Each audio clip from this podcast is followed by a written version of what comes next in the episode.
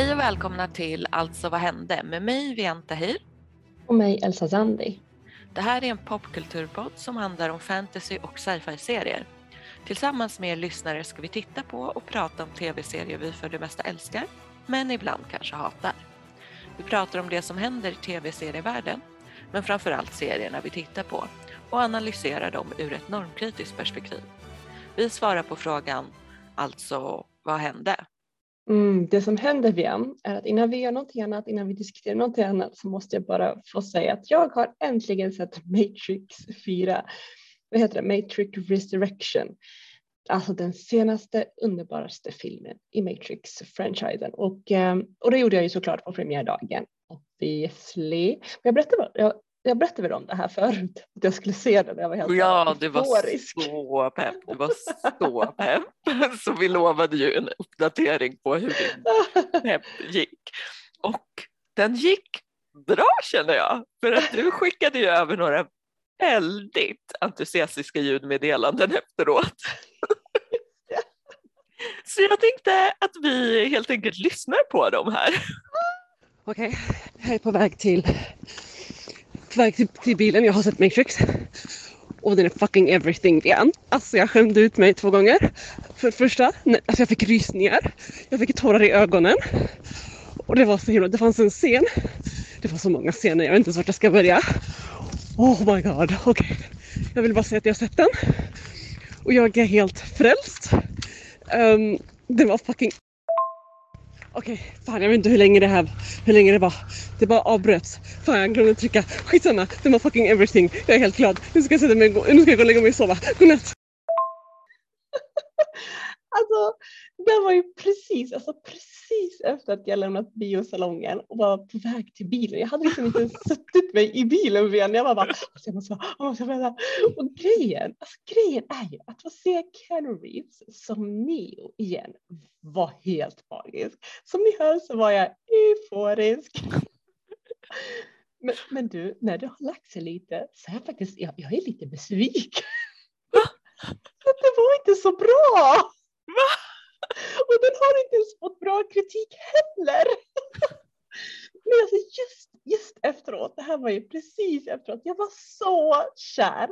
Och som sagt, att se, att se min älskling Keanu Reeves som Neo igen. Ah, det, var, det var så här, åh, det var magiskt. Men alltså, men, men annars, det var inte bra. Sorgligt att det var så här, att jag kände som, alltså det, så här var det, det var så roligt så länge det varade. Men det var inte bra. Så det här, det här, för det här har inte du sagt innan. Det här har jag inte fått något ljudmeddelanden om. Så det här var verkligen en plot twist, major plot twist om man jämför med ljudklippen. Men varför? Vad hände? Jag vet inte var jag ska börja. Det finns ju en massa, massa, det är det bästa, eh, Easter eggs för oss nördar. Vi som verkligen är inne i Matrix-franchisen, vi kan de här och vi har sett dem. Alltså det finns ju sjukt mycket, Easter eggs för oss. Och det var en underbar story, men den höll inte bien. Alltså jag köper hela Nej. grejen hur Neo, alltså jo, alltså jag köper Neo, att Neo inte är död. Det var skickligt gjort, det var väldigt smart gjort, väldigt fnissigt, väldigt fine. Eh, så det köper jag, själva hur de ja, men själva resurrection part liksom, den köper jag. Men sen var den bara rörig. Det var så osexigt och, och Neo var inte Neo. Och allt var så messy, inga överraskningar, ganska förutsägbar plott. Um, visst, som sagt, den hade sina moments, men the overall, den föll platt. Men alltså ursäkta, osexigt? Var, var, det, var det inga så här mu mu lululu eller var, var det det osex? Du pratar med någon som hatar romcom. Nej, nej, alltså när jag, menar, när jag pratar osexigt då tänker jag så att om vi jämför, det är väldigt dumt att göra så, men första filmen hade ju någonting så intelligent över sig, vilket är det sexigaste jag vet, när liksom en, när en story är välskriven och skickligt skriven som första Matrix-filmen var. Men i den här, not so much. Den var inte lika smart. Det fanns heller inte riktigt bra fight-scener. Och bara, alltså, det var bara osexigt. Och så var den seg, mashallah vad Oh seg God. den var. Ja men gud, alltså jag var inte alls beredd på den här reaktionen. Men samtidigt, för dig som älskar martial arts, nu förstår jag den osexiga biten mer. Du älskar ju martial arts, så jag förstår om det inte var det. Men alltså jag vet inte, jag vet inte vad jag ska göra med den här informationen. Sån plot twist bara. Så jag antar att du inte går och ser den på bio med mig sen igen, eller? För det var ju min plan liksom. Eller- Ska jag inte ens gå och se den på bio utan bara vänta på att den kommer ut på video som, som det var back in the days? Alltså, nej, men jag kan tänka mig se den igen. Jag tror att jag behöver se den igen, absolut. För den är inte dålig. Den är väldigt smart, den är rolig, jag skrattade mycket. Den har ju som sagt sina moments och vissa scener, eller många scener är snygga, men den höll inte. Men jag säger aldrig nej till bio, aldrig nej. Så I'm game, I'm game, let's do this. Tur.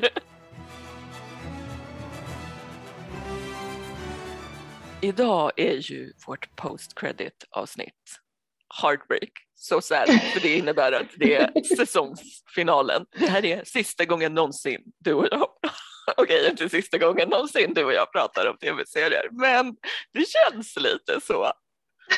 Högtidligt sådär. Ja, ja, men lite så här, ah, åh nej, vad händer sen? Men innan vi säger hej då så är det ju dags att sammanfatta lite vad vi har tittat på under hösten och vintern Mm, och lite det- vad vi känner inför det. Ja, precis. Eh, Det är inte sista gången, sista gången, men sista gången för säsongen. Mm, precis. Precis, alltså vi har ju kollat på två serier tillsammans den här säsongen och det var ju Foundation och eh, The Wheel of Time. Sen har vi haft uh, Hemläxor var. Vi fick Osynlig stad och American Horror Story Coven. Jag fick den här superduper långa serien The Untamed. Men alltså hur många timmar tv-serietittandet är det här totalt? Det var 46 timmar den här gången om jag räknat rätt. Mm. Oj. Ja, alltså, jag tycker det är lite lättvikt i jämförelse med förra säsongen när vi klockade 66 timmar. Oh. Mm. Ja, jag vet. Men vad ska man göra? Det var faktiskt inte en lika spännande tv-höst känner jag som tv-våren när det bara öste ur serier, eller? Mm. Ja, precis, men det kanske också var att jag, jag bara fick en aslång lång hemläxa som, som det liksom inte går att avbryta i mitten. Eller så. Det är liksom in it to win it. Ja, fast alltså du kollade på, eh, för det tänkte jag också på, du kollade nog på ganska många avsnitt eh, i Ja, sträck eller så. Ja. Men om vi börjar prata med dem, om de vi sett tillsammans eh, så känner jag vi skulle kunna prata om den vi tycker var bäst. Men det är också, är det en chock? Vilken tyckte du var bäst? Kommer jag bli plot twistad här? Nej, verkligen inte. Det är Wheel of Time, helt klart bäst. Alltså, vi har ju Foundation och Wheel of Time att välja på. Eh, de som har lyssnat, lyssnat, ni vet. Men alltså, jag, må- nej, nej, men det blir inte. Alltså, även om jag vet svaret så måste jag ändå slänga tillbaka frågan. Vad tyckte du var bäst, Fiam? Wheel of Time, definitivt. definitivt. Vi pratade ju en hel del om den i förra avsnittet eh, och vi pratade specifikt om det här med att episk fantasy var på vår önskelista och jag känner att vi fick det, eller det infriades. Men vilka var de om vi pratar om, om Wheel of Time istället för eh, om vilken vi obviously gillade bäst. Eh, vilka var de bästa hjältarna vi såg? Kanske så här overall i alla serier. Alltså för Eh, mig, för alla mig två. det, för, ja, precis, alla två serierna. Alltså för mig är det också fortfarande lätt. Det är Moraine. Hon och så Rosamund Pike, hon som spelar Moraine. Jag tyckte det var så magiskt att få se för det första att få se eh, Mor, eh, Moraine komma till liv och se hennes badassness, hennes kyla. Det har varit fantastiskt och att se Rosamund göra det. Jag tycker hon gjorde ett sånt sjukt bra jobb. Spot on Moraine. Du då, bästa hjältarna? Ja, ja, vi är helt eniga. Det är Moraine, hands down, den här eh, stora hjälten eller bästa hjälten den här säsongen och Rosamund Mm. Pike gjorde ett fantastiskt jobb. Och vet du vad jag tänkte på Vadå? också? Hon var ju producent i serien. Just det, just det. Hon har ju behind the camera action också. Ja, exakt, exakt. Och jag funderar på om inte det var liksom därför alltså, hon hade så bra förutsättningar dels men också en grej som gjorde serien bra. Liksom. Mm. Att du menar att hon har gjort sin gjorde ett research? bra jobb där med. Ja, men att också Ja, att hon precis, gjorde research. precis. Ja, precis. Ja. ja, men det var Ja. en bra spot. Ja, men såklart, det måste ju vara så. Hon har säkert eh, verkligen satt sig in i den här världen, vilket visas Mm. när man ser det. Men bad guy då? Har du någon favorit bad guy? Här är igen grejen. Vi har bara sett två serier. Eh, och i Wheel of Time så fanns det liksom inte någon distinkt bad guy förrän i slutet känner jag. Mm. Mm. Så här så blir det faktiskt kanske lite plot twist för det blir ändå The Empire, Brother Ah. Jay från Foundation. Jag tycker att Lee Pace gjorde ett, han gjorde faktiskt ett väldigt bra jobb som så här, flera olika, på, på olika sätt också unhinged storhetsvansinniga dikta, diktatorer som var fett sneaky. Som speciellt den sista liksom. Ja men bra svar, du har rätt, jag håller med dig. Foundation var ju typ the Lee Pace show om man ska vara ärlig. För det var han som verkligen var den intressantaste karaktären. men ändå måste jag svara Fares Fares. Han hade, inte mycket, han hade inte mycket screen time, men det lilla vi såg var bra. Jag älskar hans, eh, alltså jag älskar bara the surprise överallt, du vet, att han bara är där och är bad guy som alla väntat på ska slåss. Liksom. Ja men det är sant, alltså det enda som hände i Foundation var verkligen att Lee Pace gick runt och var galen. Men ja, Fares Fares var jättebra, alltså han är ju min bästa sortens skurk, den här skärmen som att så här, man gillar honom, han drar in en, men samtidigt så döljer det en fucking pure evil. Det är bara, alltså egentligen det enda som eh, så här, tog ner det eller gjorde att jag inte valde honom var att det inte var tillräckligt mycket bad guyande för mig. Alltså mest att Nej. han inte var på skärmen till, tillräckligt länge. Men den lilla biten gjorde ett bra intryck, absolut. Helt med, helt med. Han, han, vi behövde mer se mer, men the, the idea of bad guy så säger han. Precis. men det är birollerna då? Vem var din favorit sidekick? Buddy, companion, comrades in arms? Alltså, you Och så know the drill. You know the drill. Lyssnarna know the drill. Alla know the drill. Det är Lan. Lan. Alltså jag svär på gud. Walla, jag dör för Lan. Dör för Lan. Henny var verkligen så här, det embodiment av Mm, honom. mm, Igen någon som gjort igen någon som gjort sin research.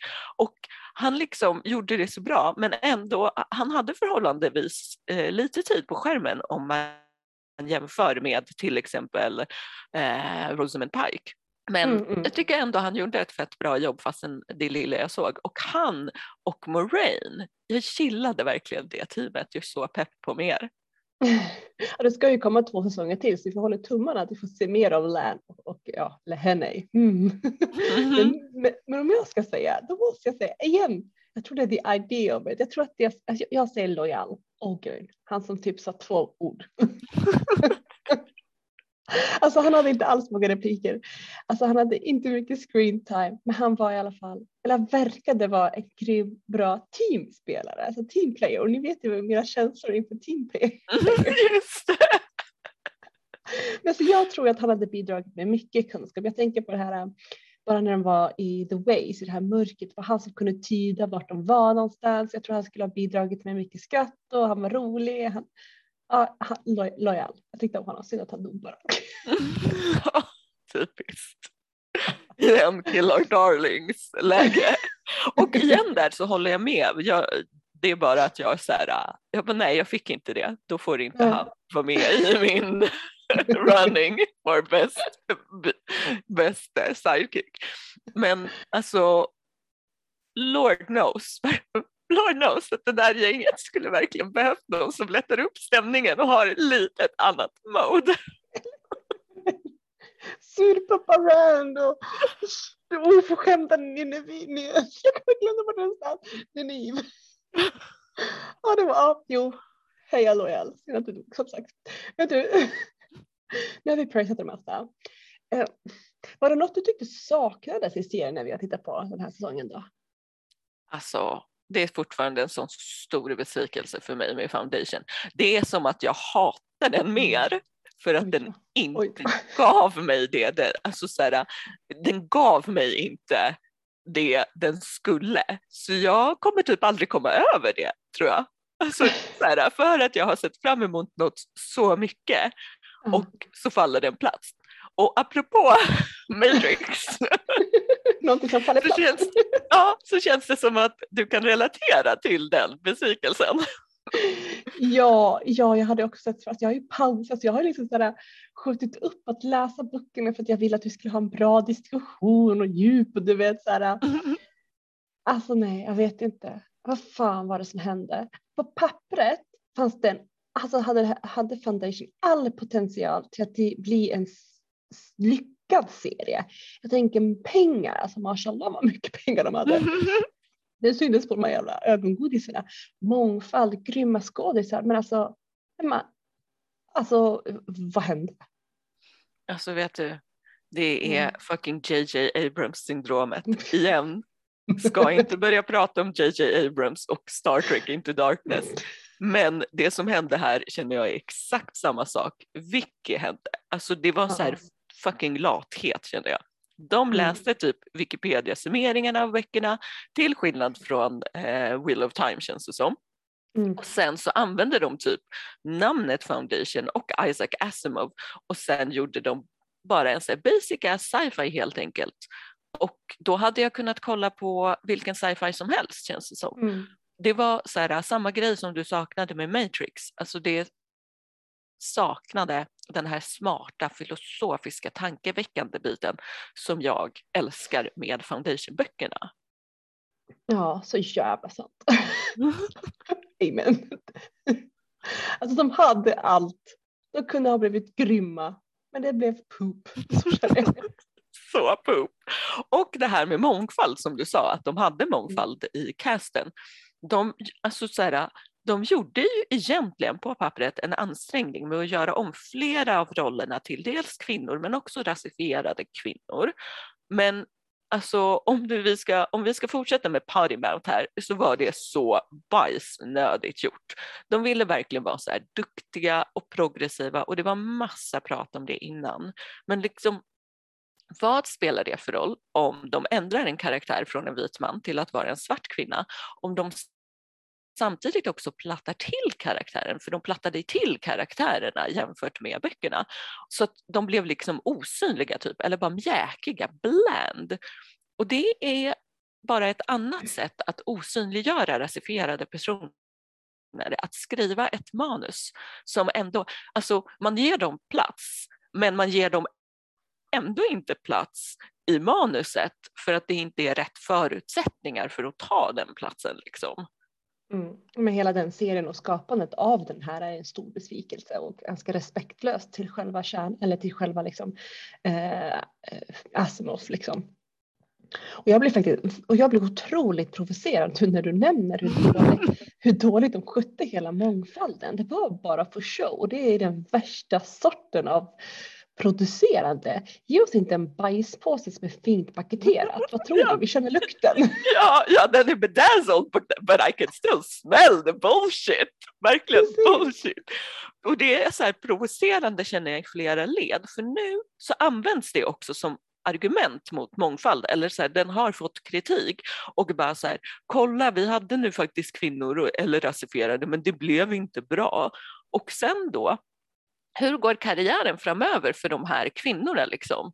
Alltså om, om de inte får förutsättningarna och så ser det dåligt ut on screen, Mm. då kommer allting, det, det, för det är jätteofta så att allting läggs på individerna, att allting läggs på skådisarna, för folk tänker liksom inte längre än så. Och så, så de tänker att så här, det är skådisarna som är dåliga och folk tänker inte på att det kan vara produktionen som Nej, varit kaos. Men be gone. I curse you away, evil spirits of Found- foundation. Vi bara hoppar till våra hemläxor nu. Yes. May it be and so on and bubble bubble and witches and trouble. Din hemläxa, Coven. Låt oss prata om den. För du sa ju att du skulle se klart hela den säsongen tills eh, våran, eh, den här avsnittet hade se klart. Ja, ja, han klart. Men jag var inte så engagerad sen efter att jag pinpointat vad det var som inte funkade. Så att Ah. jag känner så här, jag har ingen jättelång summering utav dem. De, de, de slogs mot diverse grejer. De vann, några dog på vägen. Chockerande, inte alls att de som dog var normbrytande personer. Några överlevde, chockerande inte alls att de flesta som överlevde var de vita kvinnorna. De fick en ny Supreme och så vidare och så vidare. Men ja, Åh gud vad roligt det är. Men vi hade, du har rätt, vi hade ju faktiskt en väldigt intressant diskussion i för, förra avsnittet var det väl? Mm. Du löste ju typ the million dollar question som jag hade grubblat på i flera år. Och då var ju det här, håller den här fortfarande och vad är det som skaver? För jag gillade det men ändå inte och så undrade jag, håller den? Och vi hade väldigt bra diskussion om det. ja, men det intressanta här är ju att det är ett genomgående tema i vår frustration. Alltså Mm. vår, bådas vår frustration eh, över serier överlag typ. eh, och speciellt den här säsongen, eller kanske så här, alla säsonger, who knows? Men det var den här representationen for show. Bara, ja, visst, det är en majoritet av kvinnor och så här, sure, man hade med en med svarta kvinnor och man hade med en funkiskvinna. Men de som hade center stage var fortfarande vita kvinnor. Allt kulminerade ju i att en gammal vit eh, häxa eh, som var eh, the supreme, alltså ledare över the coven, blev utbytt mot sin dotter som var en annan vit häxa eh, som nu är nya ledare för the coven. Så vad hände? Inte så mycket. Eh, och det är svaret på vad det är som skaver tror jag. Men då blir ju frågan, den andra delen av frågan kan vi säga, håller den fortfarande 2021? Nej, egentligen inte med tanke på vad vi har börjat förvänta oss av serier. Men samtidigt, kolla på Foundation, den är sprillans ny, gör exakt samma sak. Mm.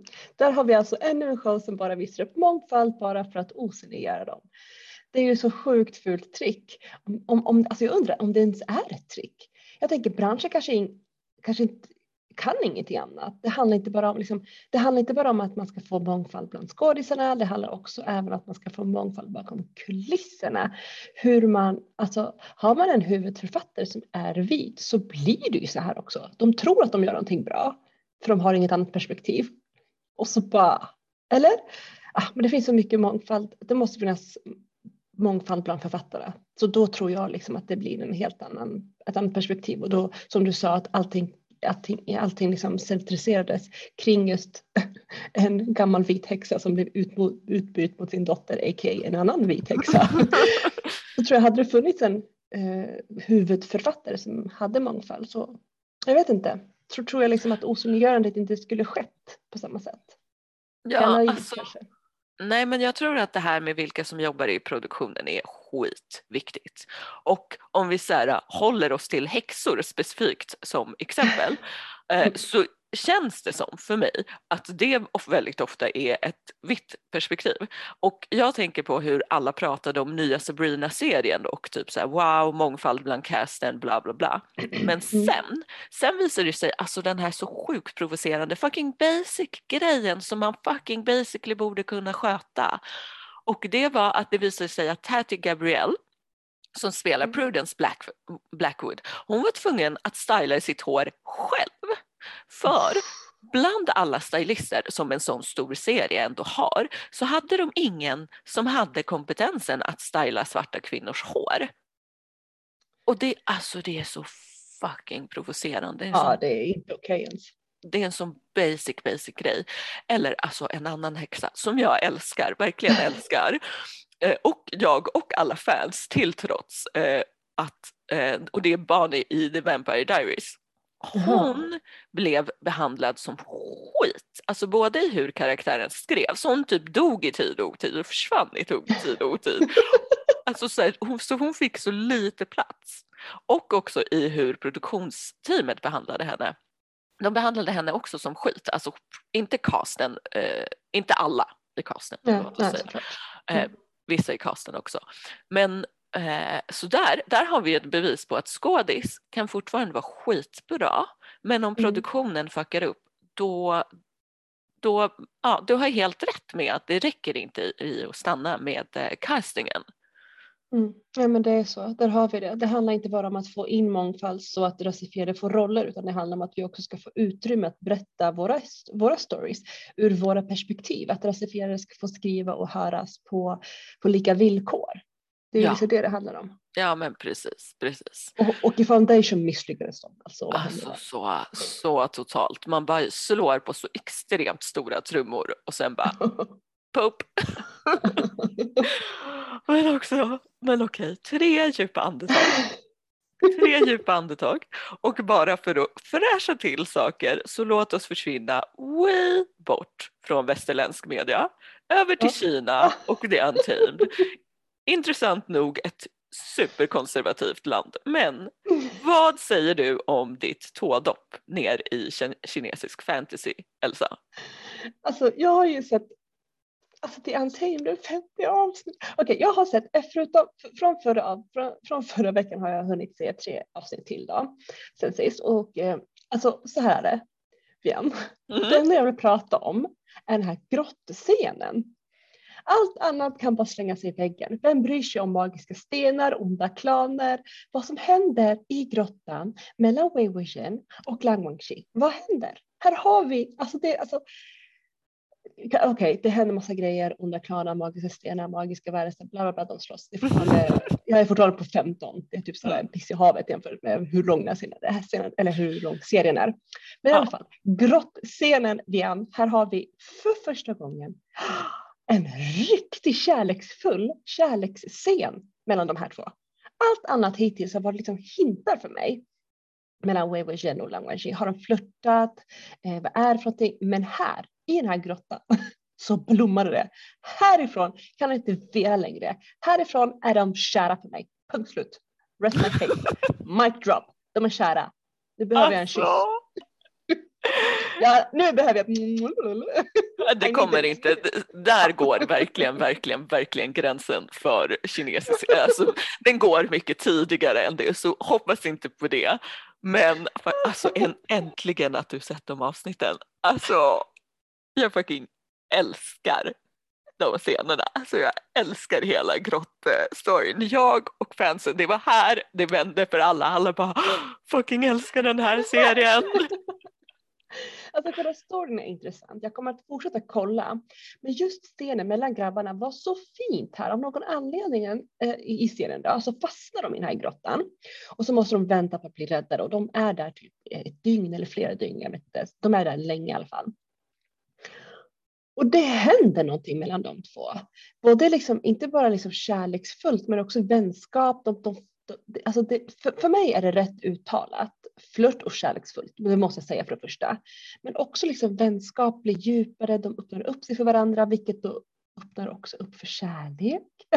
Mm. Men alltså jag förstår, alltså, som, som du sa tidigare, det är otroligt ett extremt konservativt land. Alltså hur har de, hur har de, kommit, hur har de lyckats med det här? Hur har the government inte bara burn it down? Alltså, hur, alltså, Men alltså-? Men alltså om du tänker efter, typ så här, för nu om någon hör med så här, västerländska öron Ja. vad som hände så Mm. tror jag att de har en annan bild utav det än vad du såg. Alltså om du så här, bes- säg lite detaljer, typ, eller inte detaljer, men höll de hand? Nej, nej. Höll de armen runt varandra ens en gång? Alltså förstår du? Nej, Hade nej, de så han- mycket fysisk kontakt? Ja, när han tvättade hans hår och tittade på honom med puppy eyes. Det var väl något, eller?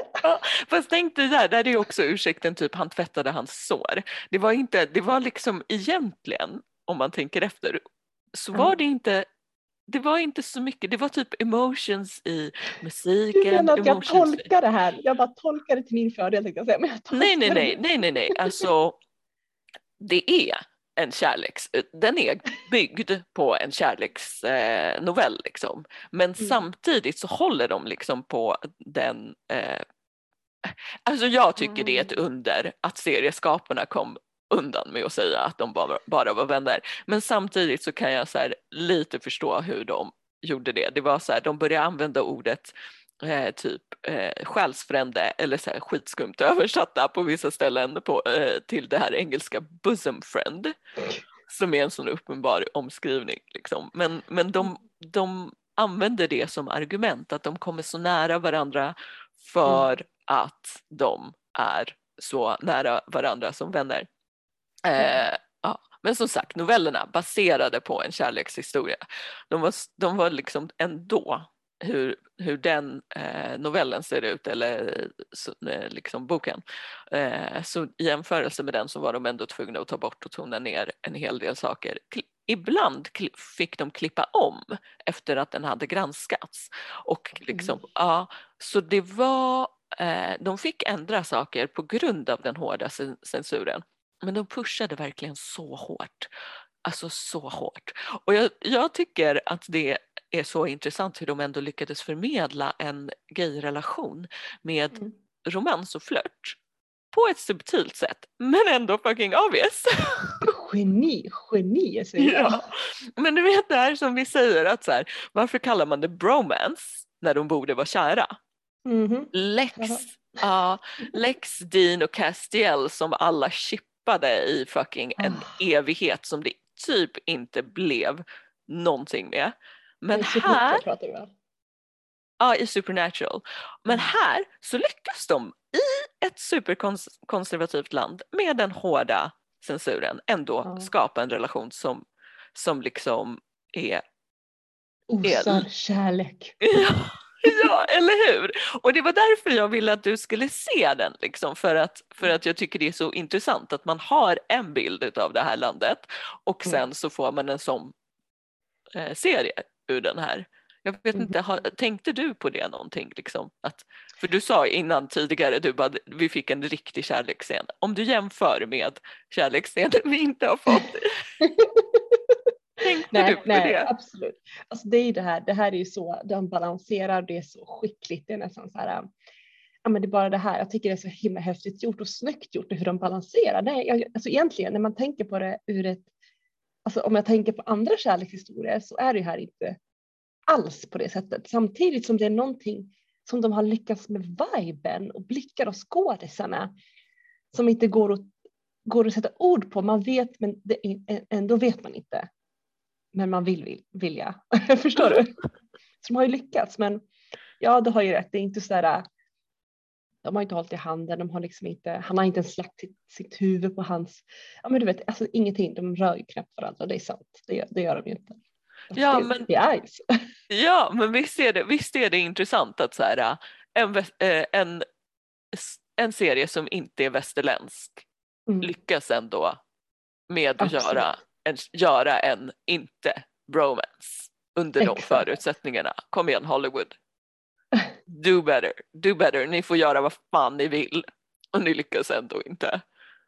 Alltså jag säger att serieskaparna kom undan med det här, typ, är det häftigaste som finns. Att de gjort det på det här sättet, det är sjukt bra. Och jag tycker de förtjänar respekt. Så jag kommer kolla vidare och kommer ge dem min tid. Det dyrbaraste jag har. Alltså the honor, the honor. Lyssnarna, ni kanske inte förstår, eller ni kanske förstår om ni är småbarnsföräldrar. Men alltså Elsas tid är extremt begränsad, extremt begränsad. Så när någonting får en timeslot av dig, ja. då är du in it. Då är du verkligen in it för riktigt. In it to win it. Nu ska vi ju ta en liten paus i väntan på nya serier att titta på i vår. Mm -hmm. eh, I alla fall, det, det, har ju of course kommit nya serier redan men vi, vi vill tajma lite. Det, det blev vi kan inte titta på 73 serier samtidigt. Så vi tar en liten paus och då är frågan vad hoppas du på härnäst? Kanske riktigt sci-fi. Vi fick ju en episk fantasy men sci-fi-delen delen blev ju en besvikelse. Så jag kanske hoppas på någon slags mindblowing eh, sci-fi. Kanske, du vet känslan man fick, Walking Dead-känslan från första säsongen. Du vet, man bara, oh, vad är det här? Spännande. Eller Berlin eller något sådär. Kanske? Ja, när alla, alla flippade, eller i alla fall en själv flippade och bara holy mother. Men alltså, gud ja, när jag känner så här, när får det bli my time to shine som sci-fi fan? För vi har ju ändå lite viktat, jag älskar fantasy men lite lite mer sci-fi. Och du älskar fantasy, Fantasy. mest, men ändå sci-fi. Ja precis.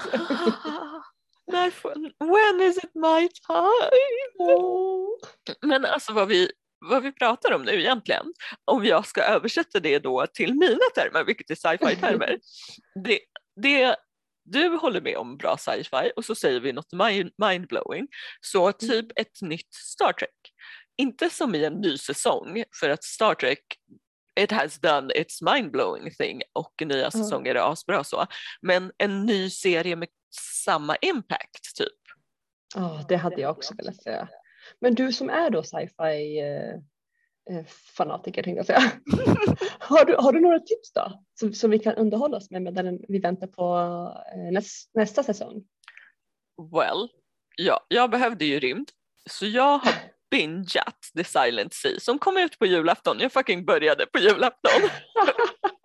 som finns på Netflix för det, och den är alltså sjukt bra. Sjukt bra. Åh. Det är en korea, koreansk serie.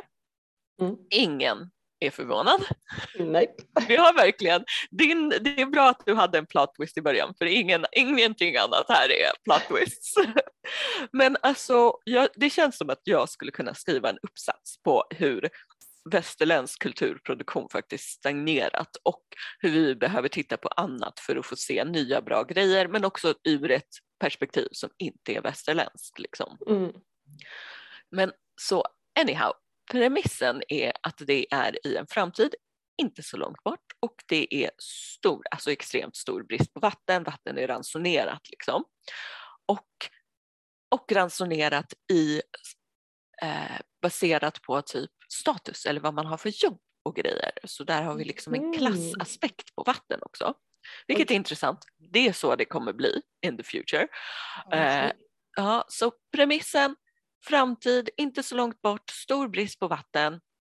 En grupp astronauter beger sig till en övergiven månbas som har varit tom i fem år efter någon slags olycka där alla dog. De får väldigt lite information om vad de ska dit och göra men de ska dit och hämta någonting som är viktigt för mänsklighetens överlevnad typ. Och as they do så går saker åt helvete för att det är så sådana serier går till. Liksom. Men det är en, alltså den är snygg som fan också. Och Mm. en spännande rymdthriller. Jag kan bara titta på läskiga saker om de är i rymden långt bort från mig. så spännande rymdthriller i grunden och samtidigt en väldigt intressant samhällskommentar om typ miljö, om kapitalism, om klass. Så ja, man kan få en existentiell ångest utav den, flagga för det, men det är i rymden så ingen hör en skrika ändå. Och sen är Bay Duna från Sense8 i huvudrollen och också Gong Yu från Guardian som du eh, liksom gick över till lite tidigare eh, och började kolla. Men Gong Yu är då också, om man känner igen honom, han har börjat kallas Sexy Slapping Suitman from Squid Game det är hans nya nick, folk pratar om honom väldigt mycket. Så det är han som örfilar i direkt. Okej, okay, Silent Sea låter konstigt nog väldigt lockande. Eh, och stackars stackars Kung Yu. Men passande ändå smeknamn, för jag har ju börjat kolla lite på Squid Game, typ tre avsnitt. Och jag älskar det hittills. Och ja, the sexy slapping suitman, passande, passande. Men alltså det, är, det här då blir en perfekt serie för dig känner jag när du har kollat klart på Squid Game. Det är inte så här, Mm. det är ju obviously inte samma premiss eh, som Squid Game, eh, men ändå lite, eh, ja vad ska man säga, lite, inte samma premiss men lite intressanta, samma samhällskommentars, samma vibe på det sättet. Mm. Men vad har du för tips? Alltså, jag, jag satt och tänkte på vad ska jag ge, ja, ska jag ge för tips? Vi, för vi har inte pratat om min kärlek för animerat va? För jag älskar animerade filmer, tv-serier och, och allt annat. Så här, allt ifrån Disney till, till, till, till liksom så här, vuxen typ Family Guy. Alltså, för ärligt, så- alltså, det finns så mycket i de här som är bra skämt för oss vuxna i de här både, både och liksom både de här Disney-versionerna och Disney och eh, annat tecknat och sen så ja det finns det. Men jag skulle vilja tipsa om eh, Tales of Arcadia som är då Guillermo del Toros egen skapelse. Det är typ så fyra, ja den är jättebra. Det är fyra delar, eller egentligen är en trilogi som sedan avslutas med en långfilm. Första vågen eller första fasen är en tv-serie som heter Trollhunters och den består av tre säsonger. Det handlar om en ung kille som blir utvald att skydda trollen i staden Arcadia som han bor i. Vi får följa med honom och hans vänner då. Det, det sätter sjukt mycket action, kärlek och skratt. Efter fasen Trollhunters kommer Three Below och det är en sci-fi del. Då. Den har, det är typ så här, tre utomjordiga kraschlandar i Arcadia, alltså samma stad, påhittade stad som då mm. våran Trollhunters är. Och de försöker fixa till sitt skepp och under tiden så försöker de då smälta in bland oss människor. Mm. väldigt, väldigt roligt. Och då, kom, och då blir ju, alltså de har nog världens bästa crossovers här mellan Trollhunters och Three Belows för de hamnar i samma stad, det är typ samma tidslinje och de, man träffar ju på de här karaktärerna från Trollhunters i Three mm. Below men ändå inte jättemycket för det handlar inte om dem. Men Three Below är två säsonger. Sen kommer vi in till fas tre, den sista fasen och det är The Wizard. Den innehåller bara en säsong. Då.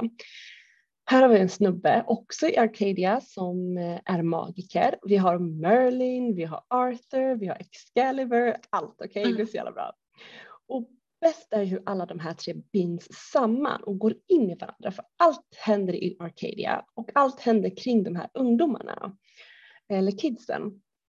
Och man ska se dem i rätt ordning för att inte missa, för att inte missa crossovers, för att verkligen fatta liksom. Och sen avslutas det här hela underbara kalaset med en långfilm där alla karaktärer från de här tre faserna är med. Filmen heter Trollhunters, The Rise of the Titans och alla de här underbara serierna finns att kolla på Netflix. Så sjukt bra. Mångfald, representation, samhällskritiskt och jäkla mycket action och äventyr. Och bara ah, underhållning. Alltså, jag älskar att vi verkligen täcker in allt i det här avsnittet. Alltså det är så här, alla genrer för alla åldrar, all of the things. Så det är en bra avrundning för mm. med, i och med det så tar vi lov helt mm. enkelt. Eller ett paus eller säsongsavslutning eller ja. Och så är vi tillbaka senare i vår igen med nya serier att titta på och prata om. Mm. Och vi är ju lika nyfikna på som ni på vilka serier vi ska titta på. För vi har inte kollat, vi har inte bestämt oss än. Men så snart vi gör det, så snart vi har bestämt serier och datum så säger vi till på alla våra sociala medier. Du har lyssnat på Allt som vad hände med mig Vian Tahir. Och mig Elsa Sandi. Ha det fint så länge så hörs vi i vår igen. Och ni kan alltid hitta oss på Instagram, Facebook och Twitter där vi självklart heter att alltså vad hände.